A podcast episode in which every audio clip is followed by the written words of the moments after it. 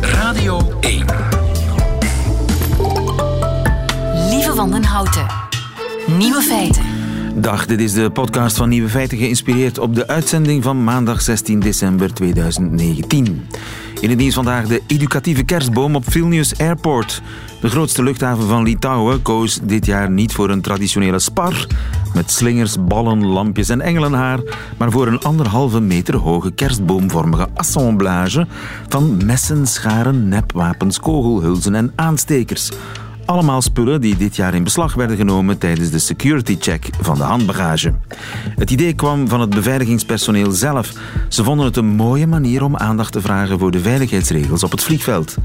Als u niet wilt dat u uw spullen volgend jaar in onze boom vindt, kijk dan even in onze richtlijnen voor u uw koffers pakt, luidt de expliciete boodschap. Tenzij u natuurlijk hoopt dat uw pinsetje volgend jaar in een kerstboom eindigt.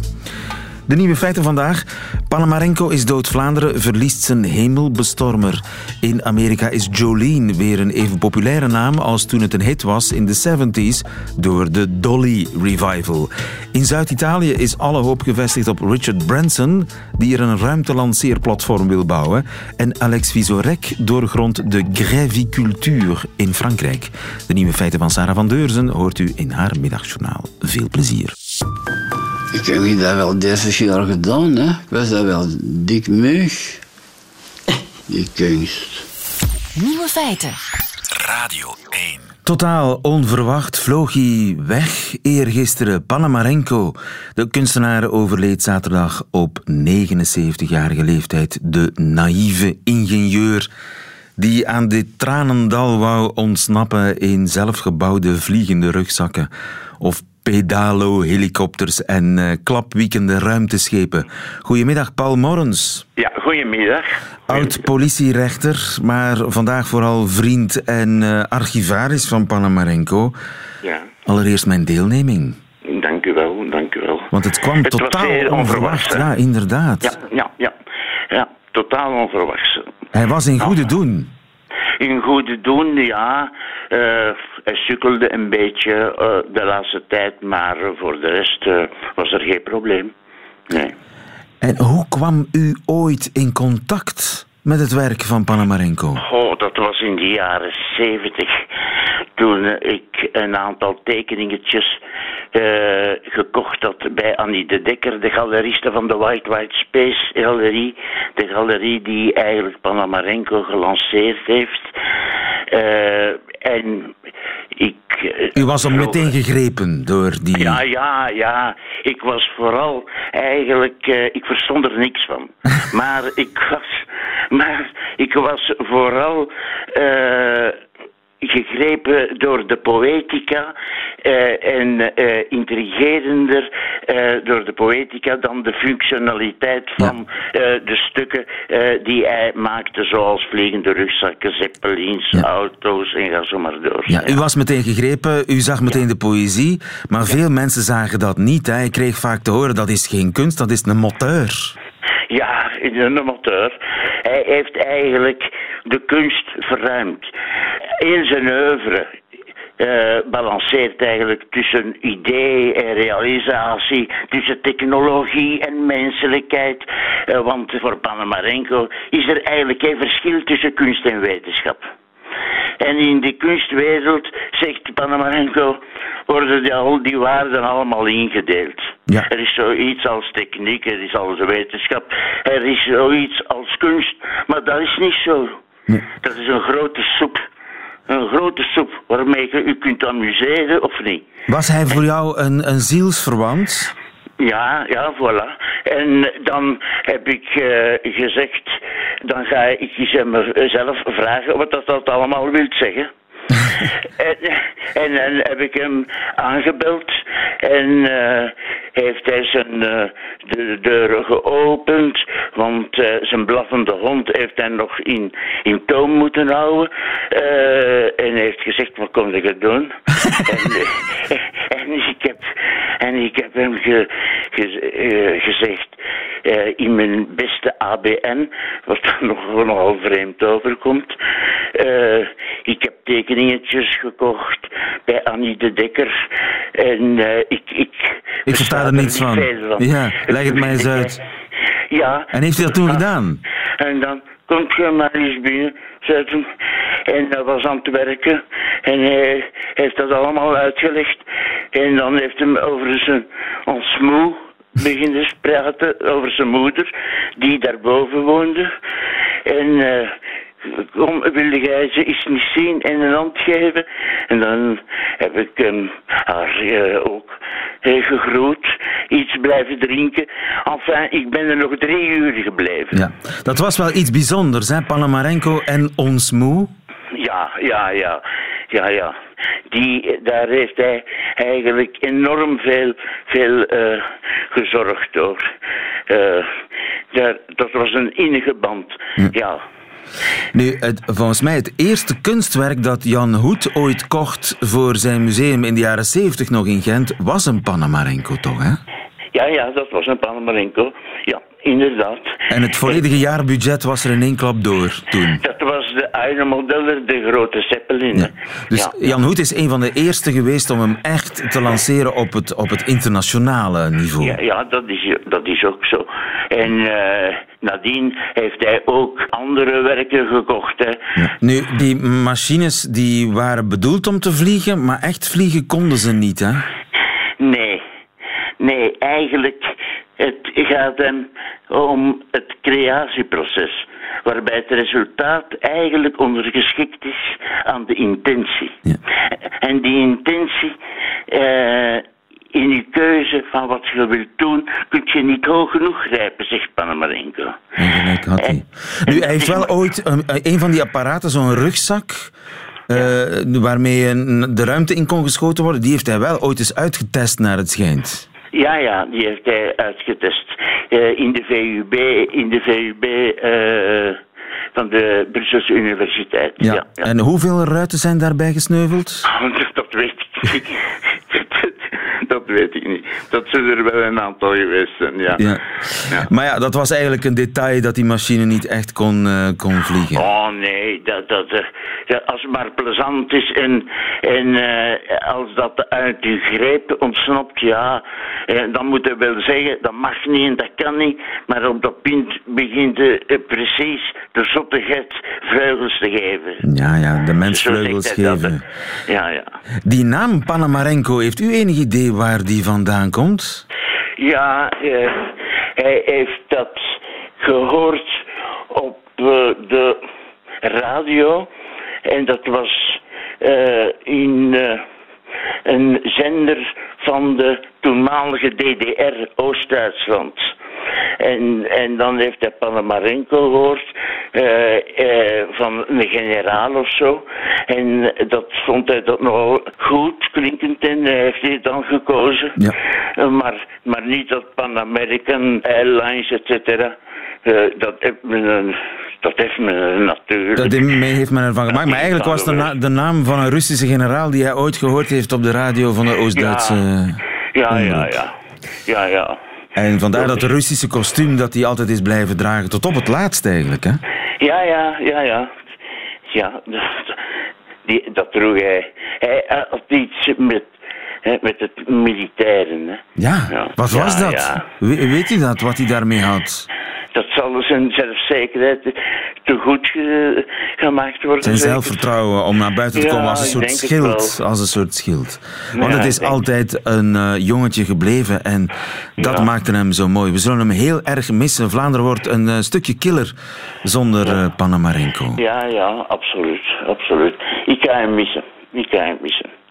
Mijn maandelijkse afspraak zal ik moeten schrappen nu. Paul Morens, sterkte. Dankjewel. Goedemiddag. ja dank u wel. hè. Nieuwe feiten. Coucou de France. Met Alex Visorek. Ja, u kunt het niet zien. Eh, ik kan het niet zien, maar ik weet het dat hij een kerstmuts op heeft. Om een warme, extra warme coucou vanuit Parijs te kunnen geven. Onze landgenoot en mijn collega bij Radio France, Alex Visorek. Goedemiddag, Alex. Goedemiddag, je kent mij wel goed. Met mijn muts kan ik je zeggen dat je het inderdaad niet heeft kunnen missen. Er ligt momenteel maar één woord op de lippen van alle Fransen en dat is la grève. Frankrijk staakt. Ja, is momenteel aan het staken. En niet om het even welke staking, de moeder aller stakingen, een algemene en onbeperkte staking van eh, treinen, metro en scholen. Zelfs de Eiffeltoren werd gesloten vorige maandag. Maar waarom? Omdat Emmanuel Macron het systeem van de pensioenen wil hervormen en onder andere omdat ze lagere pensioenen vrezen, gaan vele Fransen niet akkoord. Ah, stakingen in Frankrijk. Dat is een oneindige liefdesverhaal. Ik zou bijna over een traditie durven te spreken. Want wist jij bijvoorbeeld dat Frankrijk niet alleen kampioen is in voetbal? La France entre cette semaine dans une période où les grèves vont se multiplier. Vous nous révélez que les salariés français sont les champions du monde de la grève. De Fransen zijn wereldkampioen staking. Ja, en net zoals bij het voetbal zijn de Belgen derden van de wereld. en het is niet de enige link met voetbal. Weet je nog, het WK in 2010, het slechtste WK ooit voor Frankrijk, zowel op het veld als ernaast. Pendant qu'une partie des joueurs signent des autographes, l'histoire de l'équipe de France bascule dans un psychodrame inédit. Le capitaine Patrice Evra annonce à Raymond Domenech que les Bleus vont faire grève de l'entraînement. Vous êtes fou, semble dire le sélectionneur, qui pointe les 200 journalistes installés sur la colline. Amai, voetballers gaan in staking. Geen training vandaag. Ja. nee, staken is zo normaal in Frankrijk dat zelfs les Bleus al ooit gestaakt hebben. Zo gaat het. Elke keer dat er een grote hervorming voorgesteld wordt, komen de Fransen massaal op straat totdat de regering plooit. De laatste reuze staking in Frankrijk was in 1995, ook tegen de pensioenplan van de toenmalige premier Alain Juppé. Dit jaar alleen al hebben de Fransen meer gestaakt dan in de afgelopen twaalf jaar. Maar toch is het cynisch om over een traditie te spreken. Zeker. En vooral rechtse politici maken vaak gebruik van dat cynisme. Neem bijvoorbeeld Kamerlid Gabriel Attal vorig jaar. Moi, je pense que ce qui est important, ce serait de peut-être de sortir dans ce pays de cette gréviculture. Gréviculture. Gréviculture. Je moet stoppen met de stakingscultuur. Eén ding is zeker, eh, dat zal de vakbonden nooit geruststellen. Maar sowieso is het nooit de bedoeling van rechtse politici om vakbonden gerust te stellen. Zij richten zich vooral tot de niet-stakende Fransen. En wat denken die niet-stakende Fransen van de stakers? D'un côté, je suis pour eux, de l'autre, ça fait chier. Aha. Voilà. Enerzijds steun ik ze, anderzijds krijg ik er het scheid van. Dat is het. En, eh, zodat de Fransen die niet meestaken er niet allemaal het scheid van zouden krijgen, heeft Nicolas Sarkozy in 2008 een minimumdienstverlening ingevoerd. En luister eens hoe hij zichzelf daarvoor op de borst klopt. Désormais, quand il y a une grève en France, personne ne s'en aperçoit. Vanaf nu zal niemand het nog merken als er een staking is in Frankrijk. Eh, eh, ja, en hij was fout, ik kan het u zeggen, van vandaag. Eh, maar er is iemand nog cynischer dan Sarkozy, en dat is François Fillon, ex-premier, de rechtse kandidaat à la présidentielle. Dit is wat hij een paar weken geleden over de staking te zeggen had. Je vais être un peu prétentieux, mais quand j'étais ministre des Affaires sociales, j'ai fait une réforme des retraites, j'ai mis 2 millions et demi de personnes dans la. Ah oui, vous avez fait mieux là. Macron, c'est un petit joueur. à côté. Ja, Macron is maar een Ja. kleine jongen. Mijn staking was veel groter. De mijne was groter, dat is het niveau. Eh, zijn eh, staking was in 2010 ook over de pensioenen. En wat opmerkelijk is, toen had de socialistische Marlène Schiappa die hervorming fel bekritiseerd, zogezegd met een brief aan haar dochter om de staking uit te leggen. En dat deed ze zo. Mensen willen op pensioen gaan voordat ze doodgaan, want ze zijn moe van het werken. En als het enigszins kan, willen ze ook een deftige uitkering ontvangen, zodat ze niet met hun wandelstok in de McDonald's moeten staan poetsen. Woorden die nu terug opduiken, want Schiappa is nu een minister onder Macron en steunt de huidige pensioenhervorming volledig. Want ja, dat is de vraag. Hoe communiceert de regering? Wat doen ze om de Fransen gerust te stellen? Wel, op de dag voor de start van de staking kreeg de woordvoerder van de regering, Sibeth Ndiaye, de vraag hoe zult u morgen op uw werk geraken als er geen metro's en bussen rijden? Demain matin, j'utilise ma voiture de fonction comme tous les jours. Euh, donc, euh, je serai euh, de cœur avec euh, tous les franciliens euh, qui euh, galèreront euh, euh, dans les couloirs euh, du métro. Aha.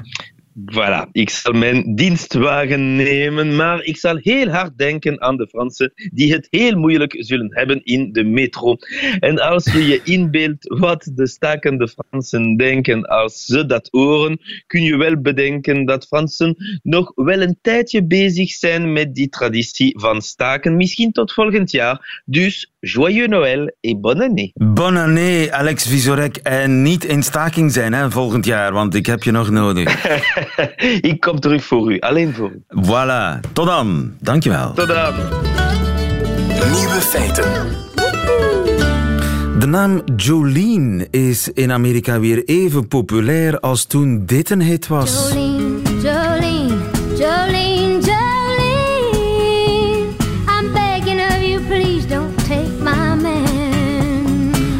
worden weer evenveel Jolines geboren als in de jaren 70. En dat komt natuurlijk door die Dolly Parton revival. Christophe Veekman, goedemiddag. Goedemiddag. Christophe, je bent schrijver, maar ook groot country-liefhebber. Ja. De Dolly-honger die eh, lijkt groter dan ooit. Hè? Want je hebt op Netflix ook zo'n eh, wat bizarre serie in acht afleveringen over acht iconische liedjes. Ja, die zijn allemaal gebaseerd op, op een door Dolly Parton zelf geschreven liedje. Eh, ik heb de eerste drie nu gezien. Het is natuurlijk een beetje emo-televisie, eh, maar het pakt toch wel. Het grijpt wel aan, laat het mij zo zeggen. Maar het is typisch Amerikaans, heel gepolijst, heel glad natuurlijk. Ja, maar bijvoorbeeld aflevering 1 gaat dan zeg maar over eh, Jolene. Ja, en eh, daar speelt eh, Dolly Parton zelf ook een, een rol in. Dat tilt natuurlijk de aflevering in kwestie eh, boven zichzelf uit. Want als ik Dolly zie of hoor, dan word ik per definitie en op stel en sprong goed gehumeurd eh, ja, en levenslustig. Ah, maar dus die aflevering over Jolene vertelt dan het verhaal eh, van het liedje? Of, ja, of, dat is dan een beetje een, een, het het thema is dan de, de, de ja, de concurrentie tussen eh, twee vrouwen. Kijk, waarom die naam Jolene nu ook zo populair is, in tegenstelling, want dat valt toch op tot de naam Dolly zelf, eh, valt misschien te verklaren aan de hand van het feit dat Dolly in 1974 toch op het toppunt van haar fysieke schoonheid wezende, die Jolene in kwestie moet smeken om van haar man af te blijven, om die man niet af te pakken, hoe gemakkelijk ze dat ook zou kunnen doen. Want Jolene, haar beauty is beyond compare. En als Dolly Parton dat, dat zegt, ja, dat wil natuurlijk heel wat zeggen. Dus als je op dit moment in de geschiedenis je dochter de naam Jolene geeft, dan doe je dat natuurlijk deels in de hoop dat no man omen is. en dat dat, ja. dat meisje zich zou ontwikkelen chance. tot, ja, tot een vrouw die zelfs de schoonheid van Dolly Parton in de schaduw stelt. Ja, laten we, we, leven in hoop hè, dan voor al die Jolines die geboren worden. Want je zou het maar meemaken dat het anders uitdraait. Ja, maar het is natuurlijk ook wel een eerbetoon aan Dolly Parton zelf. En ja, zij is natuurlijk een icoon, dat heeft zij te danken aan die geweldige muziek van haar. hè. Vergeet niet, 25 nummer 1 hits in de country hitparades in de loop van de decennia. Ja. En meer dan 350 nummers die zij uitgebracht heeft, heeft zij op de koop toe zelf geschreven. Dus dat eh, is ook niet zo gebruikelijk, hè, zeker niet in de country. Zij wordt vaak gezien als een soort zakenvrouw, als een commercieel fenomeen, maar zij wordt vaak onderschat als muzikante en als zangeres. Als muzikante, als zangeres en als eh, schrijfster van lyrics. Hè. Dus je hebt ook bepaalde nummers, Down from Dover bijvoorbeeld, 1970. Een prachtig kunstwerkje van muziek, maar als je de lyrics gaat lezen gewoon op papier, is dat ook heel erg overtuigend hoor. Dat eh, getuigt toch van een groot literair talent. Maar goed, Dolly is natuurlijk ook, ik mag Dolly zeggen, je hoort het. Heb je haar ooit ontmoet? Nee, dat niet. Heb je ooit een pluisje Helaas. van haar navel mogen plukken? Nee, heb er nooit zelfs in, het, eh, in levende lijven mogen aanschouwen. Ben je Maar- ooit in Dollywood geweest? Nee, dat ben ik nooit geweest. Christophe, Nee, dat- Dollywood, dat- dat, dat, moet toch op jouw bucketlist staan? Dat, dat, dat staat het ook. Ik ben wel in Tennessee geweest, maar Dollywood is Oost-Tennessee. En dat ligt toch weer een heel eind van Nashville en Memphis af. Dus dat lag toen niet op de route, maar zoals je zegt, het komt er nog van. Ja. Maar beschrijf even Dollywood. Ja, dat is natuurlijk in de eerste plaats, veronderstel ik, een, een groot pretpark waar het persoon, leven en werk van Dolly Parton wordt gefeteerd en ook alles waar zij voor staat. En ik denk dat dat eh, misschien, ik weet niet of het in Dollywood zo zal zijn, maar het zou zo horen te zijn dat het alle lagen van de bevolking tot zich weet aan te trekken. Het is een soort ideaal Amerika, landelijk Amerika van vroeger, dat daar wordt nagebouwd. Naar het schijnt zou ze daar af en toe zelfs wonen. Ja, dat, dat, ja, dat heb ik ook gehoord, inderdaad. Maar Dolly Parton is natuurlijk meer dan de belichaming van een verleden. Van, hè, zoals het zelf zingt, the good old days when times were bad. Het is natuurlijk ook iemand van het hier en nu. En dat, is, dat maakt haar zo iconisch en zo bijzonder. Zij, in een alsmaar meer gepolariseerde wereld weet zij de tegenstellingen tussen allerhande bevolkingsgroepen te overstijgen door ze in zichzelf te verenigen. Ze is bijvoorbeeld van heel arme komaf. Hè. Ze komt uit die Great Smoky Mountains kind, eh, of elf broers en zussen had zij. Vader is een analfabete boer, die weet bijna geen inkomen te genereren. Maar ja, dat gezin leeft zeg maar van het veld. Oké, op haar achttiende gaat ze naar Nashville als zangeres, wil het maken, ook als songschrijfster. En dan the next thing you know, nu is ze bigger than life, maar toch altijd eenvoudig gebleven. Hè? Ja, en dus zij vertegenwoordigt... Ah, Zij is eigenlijk een soort volkszusje van Lady Liberty. Wel, ik, ik, ik kan hem maar met één iemand vergelijken. Dat is een mannelijke tegenhanger. en Dat is Willie Nelson. Dat is ook iemand die goed ligt bij een conservatief publiek, maar ook bij een progressief, laten we zeggen, New Yorks publiek. Hè. Dolly Parton op haar beurt, ja, die is geliefd bij mannen die willen een vrouw als Dolly, als bij vrouwen die willen een vrouw als Dolly zijn. Ze bedient het country publiek. Ze is country to the bone, maar ze is ook een echte popster. In jaren tachtig bijvoorbeeld had ze dat duet met Kenny Rogers, Islands in the Stream. Dat is een nummer dat geschreven is door de Bee Gees. Hè? Dus zij is heel onschuldig, zij heeft iets kinderlijks, maar tegelijkertijd is zij natuurlijk uitgesproken seksueel. En als we dan over country en, en seksualiteit en feminisme hebben, kijk, in, in de jaren 60 eh, maakt zij of bestaat zij het om een nummer te schrijven dat heet Touch Your Woman. En mag ik even citeren? And when the busy day is done, you lay by my side. You know exactly what it takes to keep me satisfied. You know exactly what I need. And I always go to sleep in peace. Dat is zoveel als zeggen van je laat me elke dag klaarkomen. Ik dank u daarvoor zeer.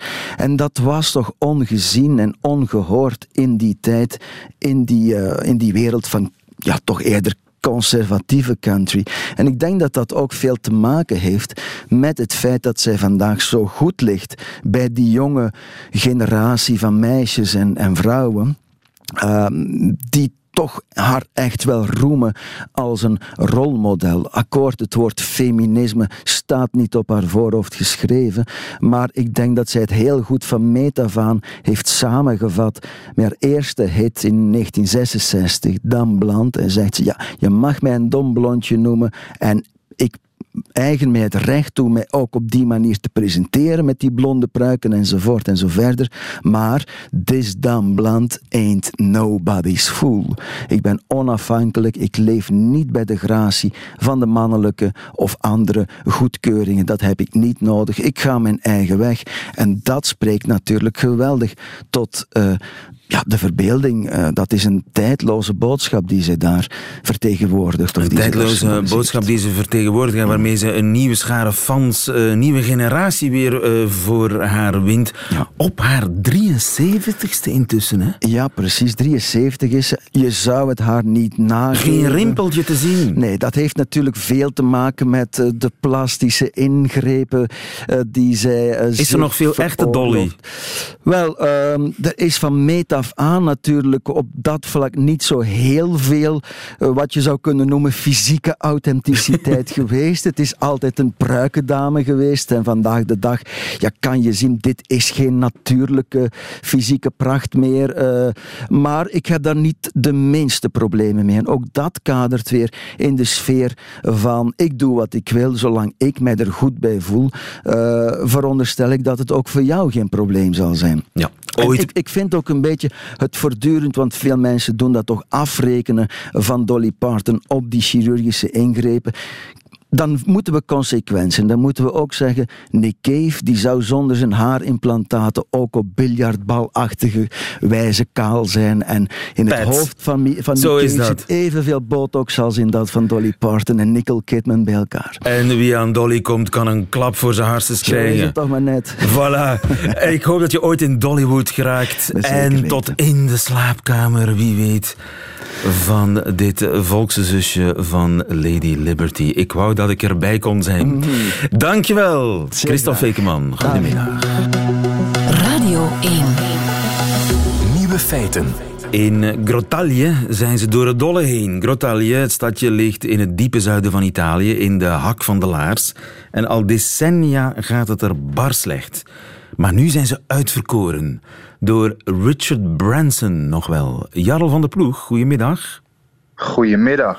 Wat gaat de flamboyante miljardair, jij bent correspondent Italië voor de Volkskrant overigens, wat gaat die flamboyante miljardair daar doen in Grottaglie, of Grottaglie moet ik zeggen?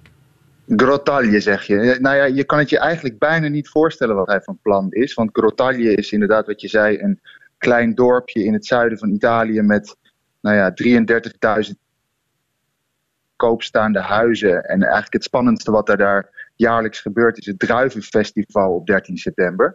Maar nu is Richard Branson, een multimiljardair uit Engeland, is daar naartoe gekomen. En die heeft besloten om op het ongebruikte oude militaire vliegveld eh, buiten de stad, om daar zijn eh, Virgin Galactic, zijn bedrijf, naartoe te halen. Eh, en dat is een bedrijf waar je voor 250.000 dollar een kaartje kan kopen om naar de ruimte te worden geschoten. Dus hij gaat rijke mensen, miljardairs, miljonairs in elk geval, eh, naar de ruimte sturen vanop de ongebruikte militaire luchtbasis, vliegbasis in eh, Grottaglie, Zuid-Italië. Maar waarom heeft hij voor Grottaglie gekozen? Nou ja, hij heeft, ehm, hij, heeft zijn, zijn thuisbasis in, in, eh, in de Verenigde Staten, in New Mexico, midden in de woestijn. Maar hij wil ook graag rijke Europeanen, rijke Arabieren, eh, rijke Russen kunnen bedienen. En hij, daarom was hij al een tijd lang op zoek naar een basis in Europa. Eh, en voor een ruimtelanding heb je een, of een ruimtelancering heb je een aantal zaken nodig, namelijk een hele lange landingsbaan. Dat is heel belangrijk en daar zijn er niet zo heel veel van in Europa. Uh, maar je hebt ook uh, heel rustig weer nodig. En daar, dat is uh, precies aanwezig in Puglia. Het is daar, nou, ik was er recent en het is herfst in de rest van Europa, maar daar voelt het nog alsof het lente is. Dus het is bijna altijd strak blauwe lucht, het regent niet veel, het waait niet veel. Er zijn weinig weersomstandigheden die een ruimtelancering kunnen belemmen. En Grottaglie, je zei het net, het is niet bepaald een florissant stadje vandaag. Je bent even weg, maar je komt, uh, hoop ik, terug. Je, ben, je was net in... Ik ben er weer. Ik oh, ben je, wat, je, je, was in Grottaglie, het, het, stadje ligt er niet florissant bij. jeugdwerkloosheid torenhoog daar. Ja, je, moet je, de, de, de jeugdwerkloosheid is boven de 50% daar. Dus je, nou, je moet je voorstellen wat voor ellendig gevoel dat geeft dat, dat meer dan de helft van de jongeren geen werk uh, kan vinden. Uh, en het gevolg daarvan is uh, dat heel veel van die jongeren vertrekken. Het, op het moment is, kent de, de regio Puglia en Grottaglie ook, die heeft de hoogste migratiecijfers sinds 1953, dus vlak na de oorlog. en ik weet dat sinds het begin van deze eeuw uit heel Zuid-Italië zijn al meer dan 2 miljoen inwoners ge, ge, geëmigreerd. En dat zijn dan meer dan een miljoen jongeren. Omdat ze gewoon. Ja, er is, een, een, een, een ze, ze, ze, er is geen kans voor ze om werk te vinden. Dus denken ze, nou dan vertrekken we maar. Ja, en daar zou nu verandering in kunnen komen. Uh, Richard Branson als een soort deus ex machina die daar nederdaalt. De verwachtingen zijn hoog gespannen.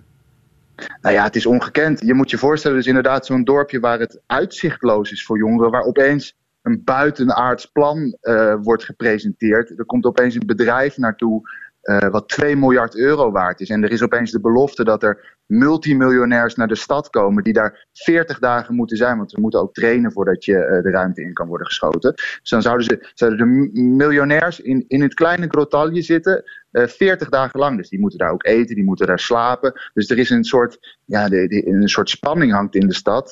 bijvoorbeeld het, er is net een nieuw vijf-sterren-hotel geïnaugureerd. Er is uh, veel geld ingepompt. Want ze denken, ja, die, die, die miljonairs die moeten straks natuurlijk uh, wel kunnen genieten van een spa en van ja, een die moeten een jacuzzi hebben. Tuurlijk, die moeten een minstens. jacuzzi hebben. En die is, en die is er nu, nu nog niet in Grottaglie. Dus ja, je merkt heel veel winkels, heel veel hotels, heel veel restaurants... die zijn aan het investeren. En ook de overkoepelende gemeente die heeft 20 miljoen euro beschikbaar gesteld nou ja, om de straten op te knappen, om het keramiekmuseum uh, een extra likje verf te geven. Iedereen wacht op de komst van de ruimteschepen en, en, ja, en, de, en de miljonairs die, daar, uh, die, die, uh, die daardoor worden aangetrokken. Maar wanneer komen ze? Ja, dat is natuurlijk nog de vraag. Virgin Galactic, Richard Branson zelf zegt dat vanaf 2021 dat er 40 ruimtelanceringen per jaar in, in Grottaglie zullen plaatsvinden. Maar het is een project ja, het is natuurlijk geen fabriek die, uh, noem eens wat, autobanden produceert. Het is, uh, ze, ze, ze, ze, ze organiseren ruimtereizen, dus dat is nogal ingewikkeld en lastig. Dus dit is ook al een project wat jaren en jaren en jaren vertraging heeft opgelopen. Dus het is heel erg de vraag of uh, ja, al die investeringen in het Vijfsterrenhotel in de Spaas, of dat zich ook snel gaat uitbetalen. Ja. maar iedereen die, die ik sprak in het dorp, die zei, nou ja, we hopen er maar op. We, Ja. we, we- wat, wat kunnen we anders dan hopen? Ze geloven er rotsvast in, maar het is helemaal niet zeker dat het echt allemaal doorgaat. Nee, ja, nee, met het is... Het, Een, een plan B wat dat betreft is er niet. Nou ja, het plan B, nee, eigenlijk niet. Sterker nog, ze, hebben dit echt nodig, want de enige grote werkgever in de omgeving, dat is een grote staalfabriek eh, op een kwartiertje rijden. En die kwakkelt eh, de afgelopen eh, weken zo erg dat, dat, dat de, de kans heel groot is dat die sluit. En dan komen er weer 15.000 nieuwe werklozen bij in de, in de regio. Ja, de- plan A, B, C, D, E en F zijn allemaal opgebruikt. Eh, dus, dus dan kom je automatisch bij plan Z, Ja, de ruimteschepen. alle hoop is gevestigd op Richard Branson. Fingers crossed. Ik hoop echt voor de mensen in Grottaglie dat het allemaal eh, lukt en dat die investeringen niet eh, weggegooid zijn. Volg het voor ons. Dankjewel, Jarl van der Ploeg. Goedemiddag. Nieuwe feiten. Dat waren ze, de nieuwe feiten van 16 december. Alleen nog die van Sarah van Deurzen heeft u te goed in haar middagshow. Nieuwe feiten. Middagjournaal. Een beetje zenuwachtig opgestaan vandaag. Ik heb straks, wel, eigenlijk niet straks, als dit afgespeeld wordt, is het eigenlijk al voorbij. Want wat velen onder jullie misschien niet weten, is dat in deze rubriek nog niet echt ruimte is voor livestreaming. En dus de meeste dingen waarover spraken reeds hebben plaatsgevonden. Ik heb dus net een afspraak gehad met iemand die ik niet kende. Ze stuurde me een paar weken geleden een bericht met de melding dat ze terminaal is. En momenteel bezig met de voorbereiding van een, ik citeer, jolige uitvaart. En met de vraag of ik haar daarbij wou helpen. Omdat haar vrienden te dicht staan om dat te kunnen doen met haar. En dat ze heel vaak al wat aan me het en aan het zegt. En ze op die manier automatisch bij mij terechtkomt. Werkelijk omvergeblazen door dergelijk verzoek bekijk ik haar profiel. Ik zie een kind, misschien zelfs twee. Haar gezicht zegt me heel vaak iets. Wanneer ik antwoord dat ik haar wel wil helpen, en of het trouwens kan zijn dat ik haar ken, blijkt dat ze in de lagere school met mijn tweelingbroer in de klas zat. Ik probeer me voor te stellen hoe ik straks tegenover haar zit. In een hippe koffiegelegenheid, niet te ver van een parking, omdat het stappen al moeilijker gaat. Er hebben slechts maximaal 100 woorden schriftelijk tussen ons plaatsgevonden. Ik weet niet wat ze heeft, hoe lang ze nog heeft, hoeveel kinderen ze heeft. Ik voel me absoluut nietig, nederig en tegelijk levensbelangrijk voor iemand die ik niet ken. Mag ik het woord deadline gebruiken? Wat is een jolige uitvaart? Ik heb geen idee. Zou ze nu volop brieven aan het schrijven zijn naar haar kinderen? om elk jaar voor een verjaardag één te openen. Eén per jaar, zorgvuldig ingeschat volgens levensfase, karaktertrekken en de verwikkelingen in de maatschappij. Ik heb geen idee. Ik ben even alleen maar onder de indruk van het leven. Ik ga op een paar uur tijd het leven van iemand op een jolige manier helpen samenvatten. Nadien rijd ik terug naar huis, eet enkele meer granenboterhammen rijkelijk belegd met caprice dieu en ga ik naar het containerpark. Al wat dat me het en me het, dat met het en.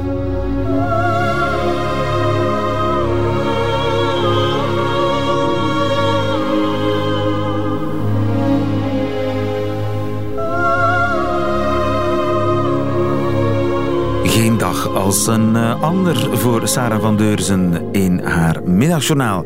Einde van deze podcast. Hoort u liever de volledige uitzending van Nieuwe Feiten met toeters en bellen en muziek erbij? Dan kunt u terecht op de app van Radio 1 of op onze site, waar u overigens nog veel meer podcasts vindt. Tot een volgende keer.